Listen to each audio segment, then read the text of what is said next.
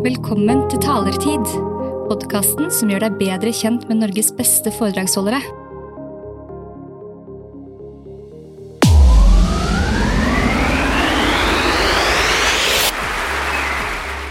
Wow. Stein Erik Mellemsæter, du er ekspert på forhandlinger. Hvordan kommer man egentlig best ut av en forhandling? Ja, jeg har lyst til å gi eh, lytterne tre konkrete forhandlingsråd for å komme nettopp ut, godt ut av forhandlinger. Og, de tre rådene er jo allmenngyldige, så de gjelder jo da både i forhandlinger si med, med kona om eh, neste års ferieplaner, og sågar eh, milliardavtale på jobben. Eh, de er svært effektfulle, så dette er det nærmeste du kommer å få superkrefter eh, i forhandlinger. Og så er også min erfaring at selv de svært, svært dyktige forhandlerne, de har en del å gå på på disse tre områdene. Og de tre områdene, kan du raskt si hva de er? Ja, det, er, det ene er å ta den andre partens perspektiv. Eh, Det andre er å være mer samarbeidsvillig. Og det tredje er å legge fram forslag først. Og når en forhandling da er over, hva skal partene kjenne på da? Hvilken følelse skal de kjenne på etter at de går ut av et forhandlingsrom, f.eks.? Det er viktig for, for, for lytterne at, at når de har eh, vært i en forhandling, at også de på den andre sida av bordet føler at de er veldig godt fornøyd med avtalen. Det er det som er det, det beste eh, i det lange løp.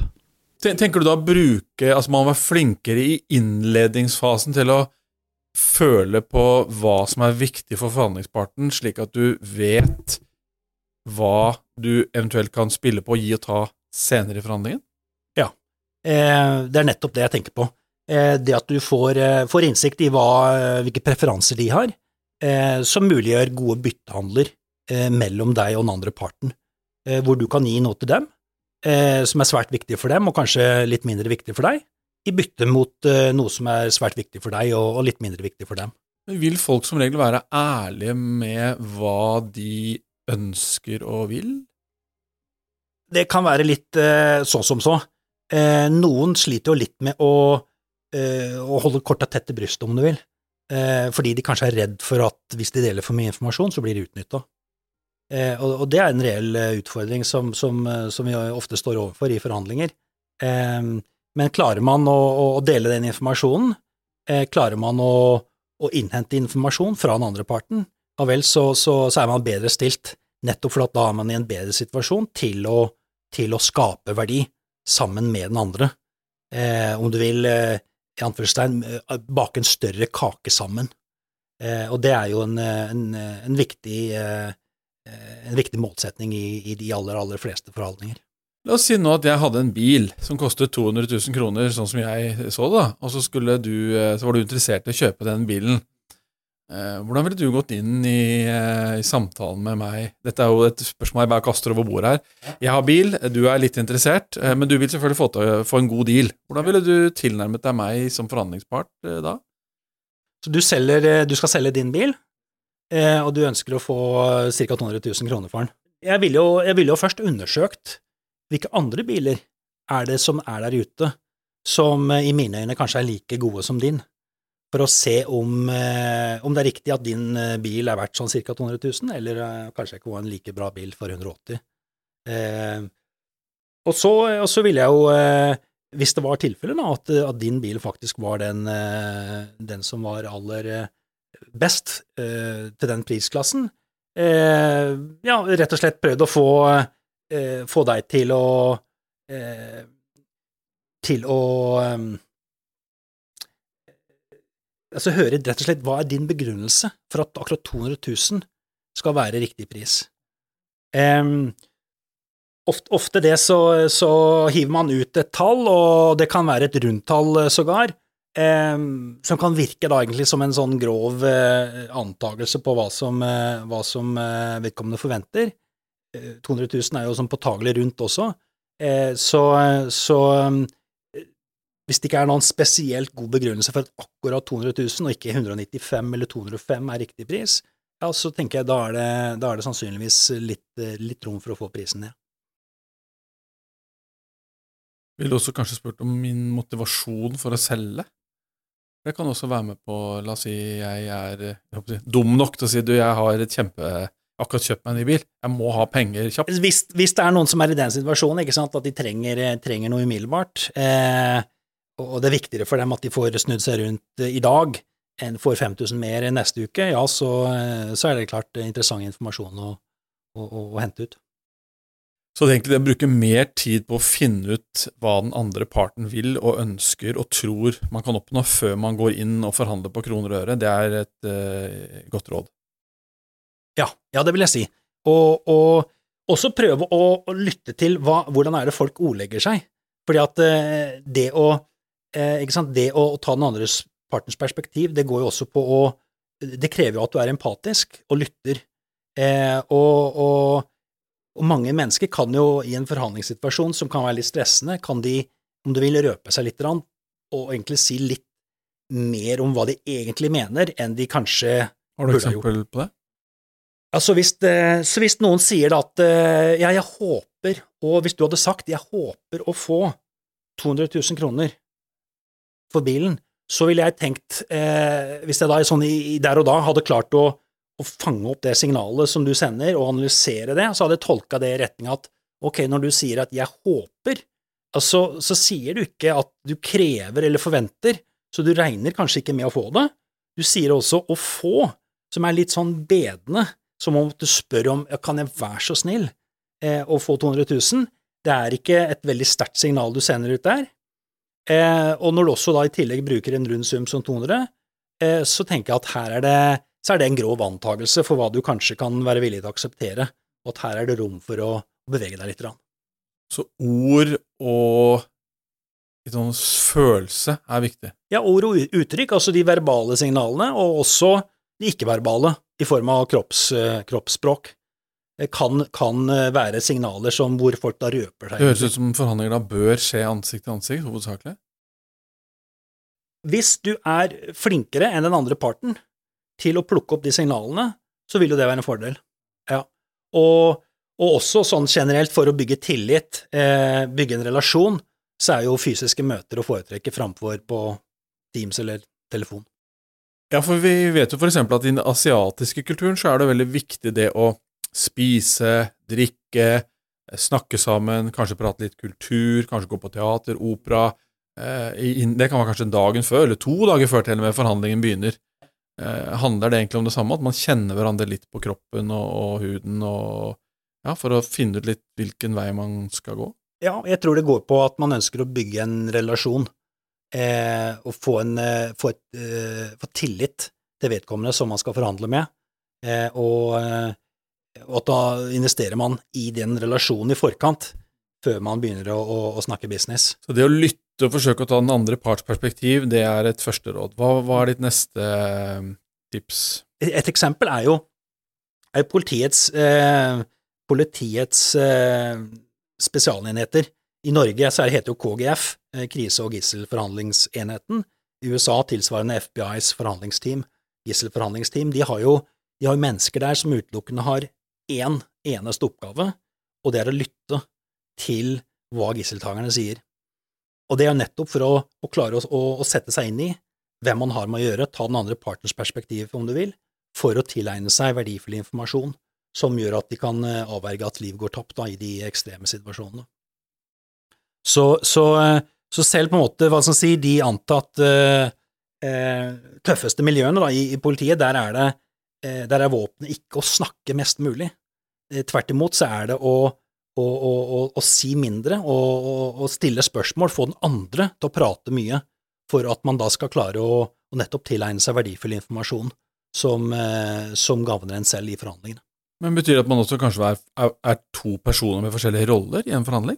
Og det er, eh, det er noe jeg anbefaler, anbefaler, mange å gjøre, å ha når man er flere på, på samme side av forhandlingsbordet, at én har ansvaret, hovedansvaret for å føre ordet, og en annen person har ansvaret for å fange opp signaler fra, fra, fra de som sitter på andre sida av bordet. I den boka til Petter Stordalen som heter Jeg skal fortelle deg min hemmelighet, der snakker han en del om forhandlinger, og da snakker vi også om kjøp av hoteller til 300 millioner osv. Og etter det jeg husker, så har jo han advokaten sin, han Henrik Christensen, som er en råtass, og der er det mange eksempler på hvor da Stordalen forteller om forhandlinger, og så er det ut på gangen og liksom kon, øh, konferere litt med hverandre, og så er det inn igjen, og, og, og lage en avtale. Det som jeg syns var mest bemerkelsesverdig med de fortellingene, var jo hvor opptatt av Stordalen var nettopp at den andre parten skulle gå fra forhandlingsbordet og være fornøyd. Det var et mål. Man tenker ofte på han som en kynisk kapitalist som skal skru forhandlingspartneren sin mest mulig, men, eh, men, men egentlig ikke. Hva, hva, tenker du om den filosofien? Jo, fascinerende bok og veldig interessant lesning. og eh, unektelig en dyktig forhandler, Petter Stordalen, eh, ut ifra det man kan lese der i, i, i boka. Um, og, og han, eh, han, virker som en relasjonsbygger. Eh, selvfølgelig interessert i å gjøre god handel selv, men, men, også opptatt av at, som du er inne på, de andre også opplever at dette her var noe de, de kom veldig godt ut av. Det er langsiktig strategi for å, for å få flest mulig egentlig interessert å, å gjøre handel med han. Det, det tror jeg han tjener på i det lange løp. Så det å være samarbeidsvillig og være fleksibel eh, høres ut som å være et eh, råd? Ja, du er jo rett over på, på det andre forhandlingsrådet som, eh, som jeg tenkte jeg skulle, skulle, dele her i dag. Altså det å, være mer samarbeidsvillig, eh, det, det, tenker jeg er en, en stor fordel, og da, og da, tenker jeg altså ikke, ikke se på forhandlinger som konflikt og konkurranse, sånn som type Donald Trump gjør. Ikke tenke at det er rivaleri, og hvor den ene parten vinner på den andre partens bekostning men, eh, eh, men, men tvert imot eh, være orientert mot samarbeid, fordi at det er nettopp det som er fundamentet for å kunne skape verdier i forhandlinger. Og skape langsiktige relasjoner også, kanskje? At du får en, en god start, man har lyst til å bli bedre kjent og lyst til å øh, jobbe mer sammen? Men så, det, men så, er det, utfordrende også. Eh, eh, hadde det vært så, så, så, lett å gjøre som det høres ut som, så, så hadde det jo ikke vært noen sak, men, men grunnen til at det er utfordrende, er jo at i enhver forhandling eh, som, eh, som, som, lytterne eh, står i, nærmest enhver forhandling som de står oppi, så, så står de midt oppi et dilemma, eh, det såkalte forhandlerens dilemma, hvor de på den ene siden eh, må samarbeide med de på andre sida av forhandlingsbordet for å, for å, skape mest mulig verdi, om du vil, i anførselstegn, bake en størst mulig kake, eh, men så skal de samtidig konkurrere om fordelingen av den verdiskapingen eller de kakestykkene, om du vil. Og, og da er dilemmaet nettopp hvordan skal du klare å samarbeide og konkurrere samtidig med de samme menneskene. Eh, og det, det, er jo kjernen i utfordringen som gjør det nettopp vanskelig å være, eh, være samarbeidsvillig.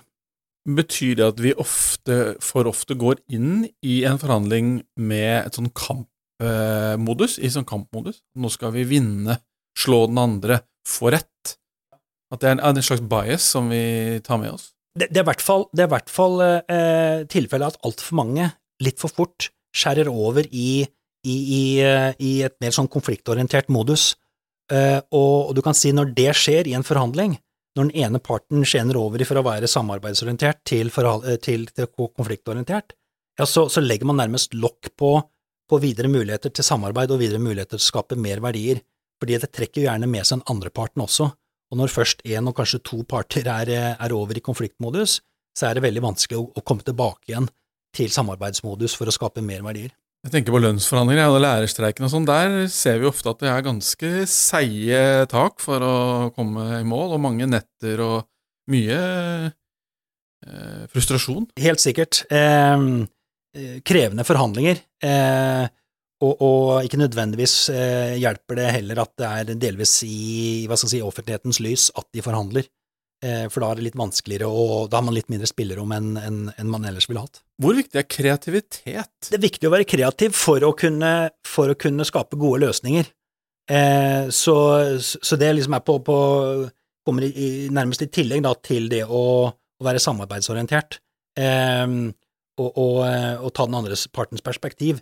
Eh, klarer man da å se hvilke interesser de andre har, og så se da at ja, men dette her er jo en kreativ løsning som, som er i den andre partens interesse, eh, og det gagner oss, ja, da har du, da har du forhåpentligvis en, en, god løsning for begge parter. Du holder jo kurs og foredrag og hjelper advokater, næringslivsaktører, ledere med dette.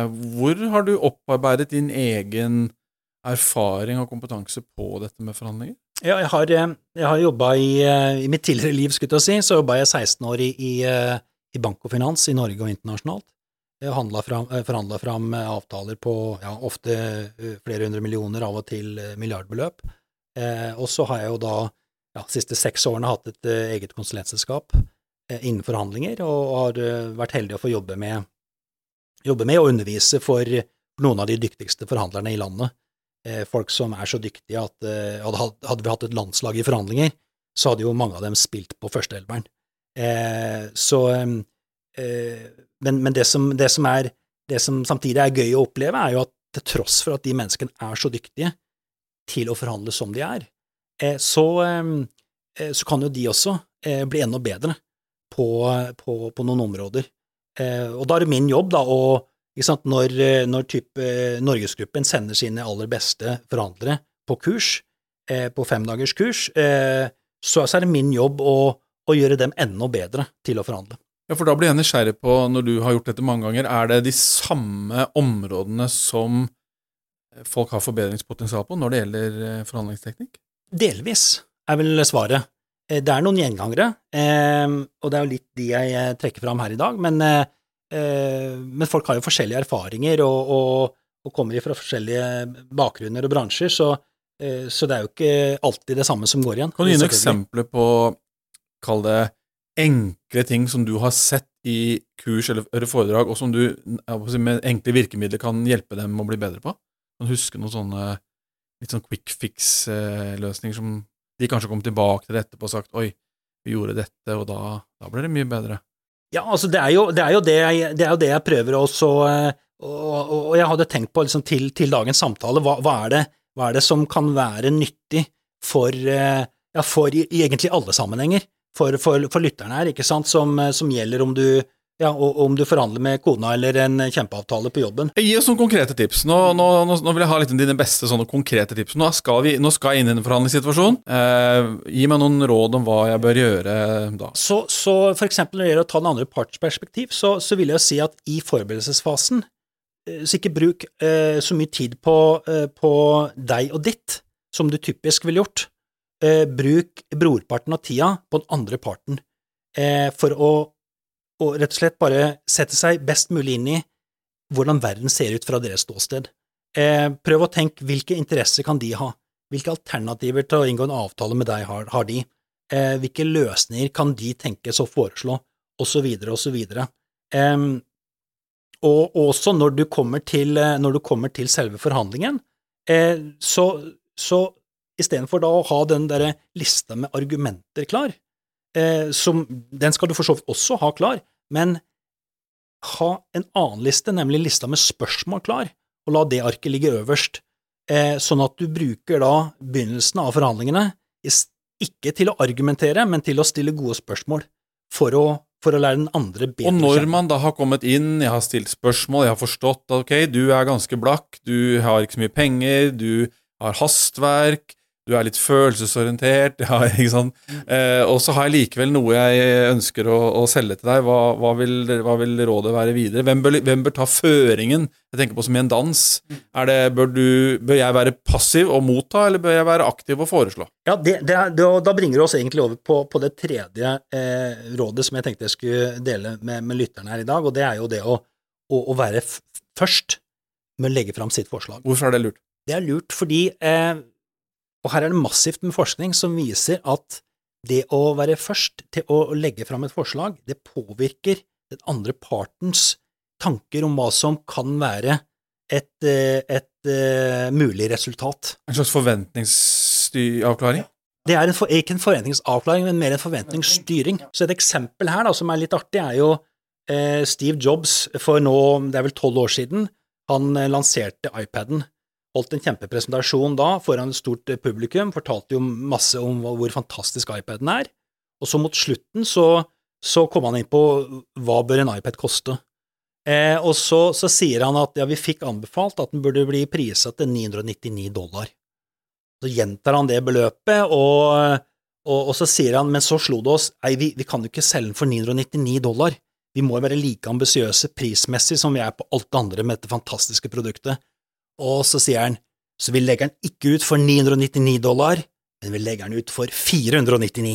Og så klapper jo folk i publikum og nesten jubler over hvor, hvor fantastisk billig iPaden er. Og det er jo nettopp fordi det han har gjort da, er jo å bruke et såkalt anker, hvor han da hiver ut 999 dollar da, i dette tilfellet, som, eh, som en slags referanse som, eh, som folk tar med seg, og som gjør at 499 da virker i den sammenheng, og relatert da, eller sammenligna med 999, som veldig, veldig billig. Så det har en kjempeeffekt. Så- Og selv om vi vet eh, Mange har jo hørt om liksom ankereffekten, eller hva man kaller det, men, men selv om vi kanskje vet om det, så lar vi oss på en måte påvirke av det. Ja, vi, vi- lar oss nesten i skremmende grad påvirke eh, av av det. Eh, Det er jo også gjort studier på for å teste ut av nettopp hvor, i hvor stor grad lar vi oss påvirke. Og så er det noen som tenkte at la oss teste det ut på, på de som kanskje er antatt mest rasjonelle, eh, og, og, og de gikk da til eh, en gjeng tyske dommere, eh, og, og tenkte nå skal vi teste ut om de lar seg påvirke av noe helt irrelevant, nemlig et par eh, terningkast. Så tok de disse dommerne og delte dem i, i, i to, eh, og ga dem akkurat samme eh, saksdokumentene, ba dem lese gjennom det, så skulle de slå de terningene de hadde fått, og så skulle de avsi sin dom rett etterpå. Og så visste jo ikke dommerne at de terningene de hadde fått, var eh, rigga. Så den ene gruppa, gruppa A, da, dommere, de fikk jo da to terninger som var rigga til å bli ni. Og de avga, eh, og, og, og de fikk jo da eh, De avga da i dom i snitt eh, på åtte måneder. Og så kommer gruppe B, som hadde to andre terninger, som var rigga til å bli tre. Eh, de ga da ikke dommer i snitt på åtte måneder, men på fem måneder. Så, så, eh, så selv da noen eh, eksperter eh, på sitt område, som man unektelig kan si tyske dommere er, blir påvirka av noe som er helt irrelevant, nemlig et par terningkast. Jeg har vært på et av kursene dine, og du bruker en del øvelser og, og, som er veldig sånn lett og, og litt morsomme å, å forholde seg til. Kan du gi et eksempel på en type øvelse som, som gir en, et godt innblikk i hvordan det er å være i en reell forhandling? Ja, jeg har jo, jeg har jo eh, til- tilfeldigvis skutt Nå, nå, nå roter han ned i lommen sin, siden dere ikke kan se. Her, her tar, her tar Stein Erik opp penger. Du har ti kroner. Altså hvis du, hvis du er en, eh, en spiller A, da, for å kalle deg det, og så har du en, eh, en kollega som er spiller B, og så er øvelsen den at du får de kron- ti, ti kronene av meg, eh, og så skal du foreslå en fordeling av de ti kronene mellom deg og din kollega. Og så er det sånn at hvis, hvis han aksepterer ditt forslag til fordeling av ti kroner, ja, så får dere like mange kroner hver som du eh, foreslår at dere skal få. Men hvis han avslår, så går de ti kronene tilbake til meg, så får dere ingenting, verken du eller kollegaen din. Så da er jo spørsmålet til deg, Nils, hvor mange av de ti kronene foreslår du at kollegaen din skal få, og hvor mange beholder du sjøl? Jeg tror jeg tar eh, seks, og så gir jeg fire til Sindre. Så du foreslår å beholde seks, og, og at han får fire. Og det er interessant, fordi du kan jo si at hvis du hadde tilbudt kollegaen din én krone, så ville jo det vært bedre for han rent sånn økonomisk å akseptere det forslaget enn å avslå det, eh, og da ikke få en eneste krone. Så det du sier når du gir han, eller foreslår at han skal få fire kroner, det er at du sier til kollegaen din at vet du hva, jeg tror ikke du er rasjonell. Ja, kanskje det. Jeg, jeg tenkte mer sånn at jeg skal gi såpass mye at han takker ja med en gang. Og hvorfor, hvorfor, men hvor skulle han ikke takke nei, eh, hvorfor skulle han ikke takke ja til en krone? Det vet jeg ikke. Ja, typisk, så du gjør, jo, du gjør jo det helt riktig her. Ja, men du har helt rett, du også. Det har jeg jo ikke tenkt på, det du sier der. For det som, det som de fleste gjør, er jo å tilby nettopp eh, eh, fem, fire eller kanskje noen tre kroner. Eh, for det vi ser, er jo typisk hvis da spiller A i dette spillet foreslår bare én eller to kroner til den andre, så tar den andre og blankt avviser det. Og typisk er jo det fordi at de føler at det her er jo ikke rettferdig, så nå skal jeg gi deg en lærepenge. Så det er en følelse og ikke en rasjonell For som du sier, én og to er jo mer enn null, det kan vi være enige om. Ja, absolutt. Så det er, eh, det er rett og slett det at rettferdighet eh, trumfer eh, det, det monetære, det rent økonomiske, i mange sammenhenger. Og det er klart det er viktig å være forberedt eh, og bevisst da, i en forhandling, for dette hjelper ikke å, å, å komme dit hen at, at, andre, at du har på bordet et forslag som er i den andre partens økonomiske interesse, hvis de ikke føler at den er rettferdig. Og i hvert fall ikke hvis det hvis jeg også visste at dette skulle være begynnelsen på en langvarig relasjon. Nå lagde vi bare et eksempel på bordet her. Hvis du f.eks. skal samarbeide eh, om en eiendom, eller i et ekteskap, eller i et en, Ja, så funker det ikke. Men jeg har lyst til å annet, stille et annet spørsmål, og det er når du da har eh, hatt folk på kurs eller foredrag, så kan jo høre, og de kan, de kan lære mye der og da. Hvordan bevarer man, eller hvordan øker man forhandlingskompetansen over tid, slik at man faktisk etter et år eller to eller tre blir en bedre forhandler? Jo, altså, det er sikkert flere veier til Rom her. Eh, men det er klart, forhandling er, det er et praktisk fag. Så én ting er å lære eh, teorien om hvordan man skal gjøre det, bør gjøre det i forhandlinger. En annen ting er jo å sikre seg at man har ferdighetene og faktisk gjør det i reelle forhandlinger. Så, så det, som, det, som, jeg liker å gjøre, da, for å ta det et steg videre fra, fra hva skal si, tradisjonell undervisning og småøvelser, sånn som vi var innom i stad, det er også å ta opptak av, av kursdeltakerne mens de sitter og, og forhandler.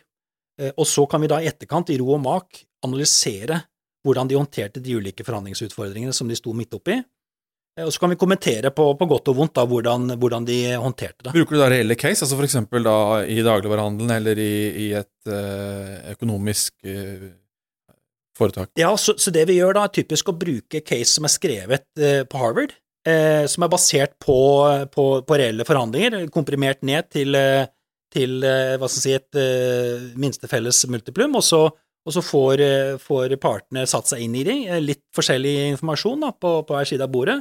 Eh, og så er det det nærmeste man kommer i en reell forhandling.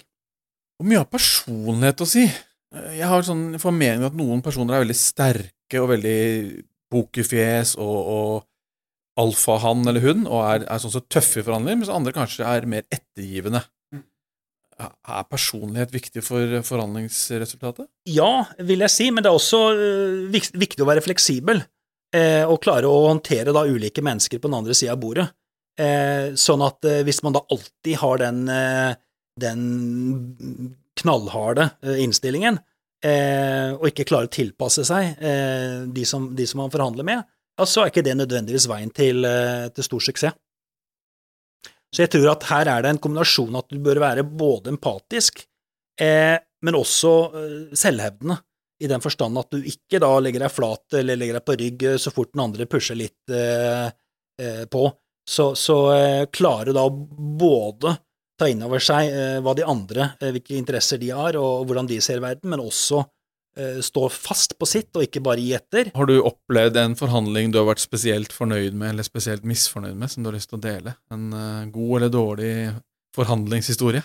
Ja, du kan si jeg har jo, jeg har jo vært med i, i, en del større forhandlinger, men jeg vil si at kanskje det er likevel den, den viktigste forhandlingen eh, som jeg har, har vært oppe i, det var jo mer av privat karakter. Etter at uh, faren min gikk bort uh, for tidlig for, uh, for, noen år siden, så, så, så måtte jo broren min og søstera mi og jeg håndtere arveoppgjøret. Du kan si det var ikke det at det var så store økonomiske verdier i, i det, men det som virkelig var av verdi, i potten om du vil, eller som sto på spill, det var jo vårt, vårt svært gode søskenforhold. Eh, og vi var jo alle klar over at eh, og hadde sett eh, andre søsken som hadde i arveoppgjør endt opp som bitre fiender, og, og, og, det klart det var det siste vi ønska skulle skje med oss. Så, så heldigvis så har jo jeg to suverene søsken, så, så, det gikk jo veldig bra. Vi var alle sammen veldig bevisst at, at vi hadde en felles interesse i å, i å, å beholde det søskenforholdet som vi hadde, og, og ble tidlig egentlig enige om en slags Vi gjorde jo nesten en sånn muntlig avtale som, eh, som gikk Nå husker jeg ikke akkurat, men det gikk vel noe sånt noe som at vi skal samarbeide for å, for å, å komme til en enighet som vi alle kan leve vel med. Og det, det klarte vi ellers veldig, veldig godt, og vi er svært gode uh, venner. Så hvis vi skal oppsummere dagens viktigste råd, uh, forsøk å ta den andre partens perspektiv, se hva den andre ønsker å oppnå, vil oppnå, kan oppnå, hvor vedkommende står, stille gode spørsmål, det å være mer samarbeidsvillig, og det å være den første til å legge fram forslag. Ofte i forhandling så er det sånn at man kommer med et utspill som er litt høyt.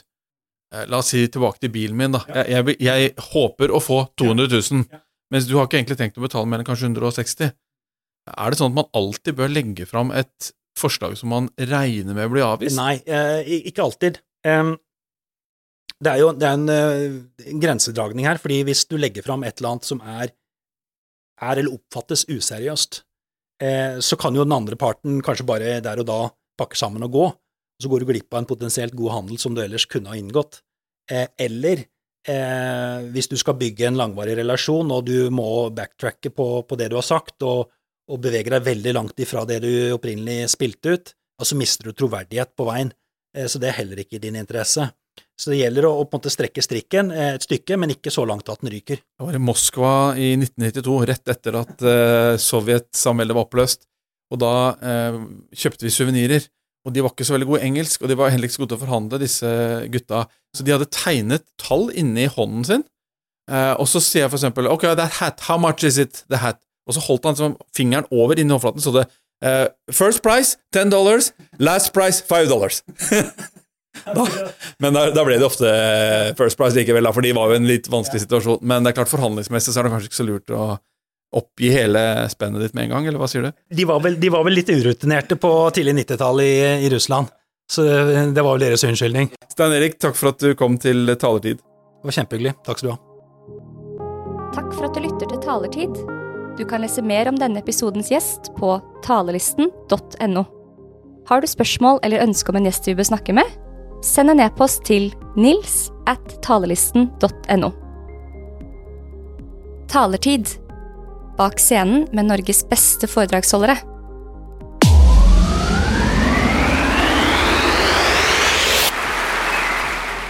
Wow.